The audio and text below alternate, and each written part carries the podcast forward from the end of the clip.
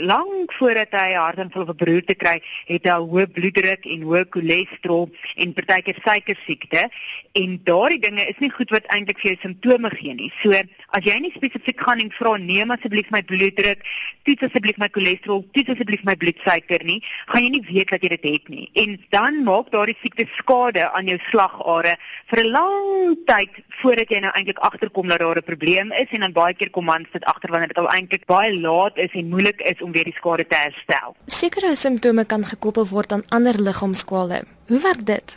Ons noem dit metabooliese sindroom. Dit beteken die siekte hoë bloeddruk en hoë cholesterol en suikersiekte en jeug of gout en sentrale obesiteit wat die middelomtrek groter word en dan ook lae testosteroon vlakke wat dan natuurlik hulle seksuele funksionering kan beïnvloed, maar ook 'n baie groot invloed op hulle algemene gesondheid kan hê.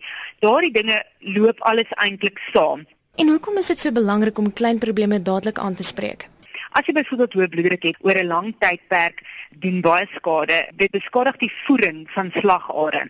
En dis daardie voering van die slagare wat siek raak wat op die ou ende vir jou hartaanval of 'n beroerte gee, veral as dit nou saam met hoë cholesterol vlakke gaan. Hoe vroeër mense dit optel en hoe meer aggressief mense dit behandel tot op die regte vlak, hoe beter. Ons sien ook mans wat maar 'n bloeddrukpilletjie drink elke dag en hulle bloeddruk is nog steeds nie beheer nie. En ek dink eintlik dit is baie dom om dit te doen. Jy weet as jy nou elke dag klaar 'n pil in jou mond sit en jy moet net sowel seker maak dat jy dokter vir jou medikasie gee wat maak dat jou bloeddruk baie mooi beheer is. Het jy enige raad aan mans oor watter toetse hulle vroegtydig moet gaan doen? Om elke jaar jou bloeddruk te laat neem. Maak nie saak hoe oud jy is nie. Jy stap net ergens in by 'n apteek wat bloeddrukke neem en jy laat neem jou bloeddruk elke jaar. Jou cholesterol hoef jy net elke 3 tot 5 jaar te neem voordat jy in jou 40's is en as jy dan in jou 40's is, moet jy dit elke tweede jaar laat neem. Die toetsies wat hulle doen in die apteke waar hulle net jou vinger prik vir cholesterol, is oukei, okay, maar ek dink dit is nie moeite werd om maar tog 'n volledige vastende lipogram te doen. Dan moet 'n mens maar jou middelmaat laat neem om seker te maak dat hy nie al groter en groter raak nie, want die vet wat in jou pens neergelê word, raak basies soos 'n orgaan wat hormone afskei wat maak dat jou bloeddruk hoër raak en dat jou cholesterol hoër raak. En as jy siek is, moet jy maar net eers dokter toe gaan. Jy moenie te lank daarmee loop nie. Is hierdie nie maar op die ou end 'n baie duur proses nie?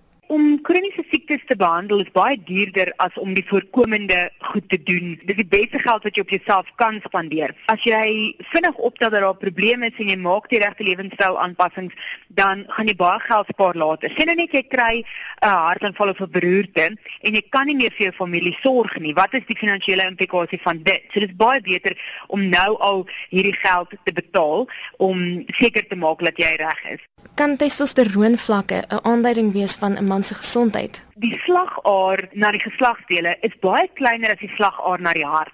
So jy sal eers begin met erektiele disfunksie en dan 'n paar jaar later eers die hartaanval kry. 'n Mens moet dit nie ignoreer as daar so seksuele disfunksie begin gebeur nie. As 'n man nie meer lus is vir seks nie of as hy begin sukkel om ereksie te kry, dan is dit waarskynlik as gevolg van 'n ernstige mediese kondisie en dan moet hy definitief 'n dokter sien. Dit moet definitief nie net geïgnoreer word nie. Alles waar ons nou gepraat het, is dit net van toepassing op ouer mans of is dit vir jonger mans ook belangrik? Nee, ek dink regtig jy moet wanneer jy jonk is, moet jy in die gewoonte kom om dit te doen. En dan moet jy natuurlik nie vergeet om dinge te doen soos om na jou vel te kyk nie, want velkanker is die mees algemene kanker onder mans en dan natuurlik die gevreesde prostaatkanker van die ouderdom van 45 af, tensy jy 'n sterk familiegeskiedenis het van prostaatkanker, moet jy op 40 al begin om prostaatondersoeke te kry, 'n fisiese ondersoek en 'n bloedtoets. En mans wat jonger as 40 40 is, het weer 'n risiko om testikulêre kanker te kry. Dis die algemeenste kanker in jong mans. So jong mans moet maandeliks hulle eie testes te deursoek om seker te maak dat daar so nie snaakse knoppietjies en goed op is nie en as daar is, dan doen mense sonar om te kyk wat dit is sodat die mens dit vinnig kan uithaal en vinnig die diagnose kan maak as daar 'n kanker is.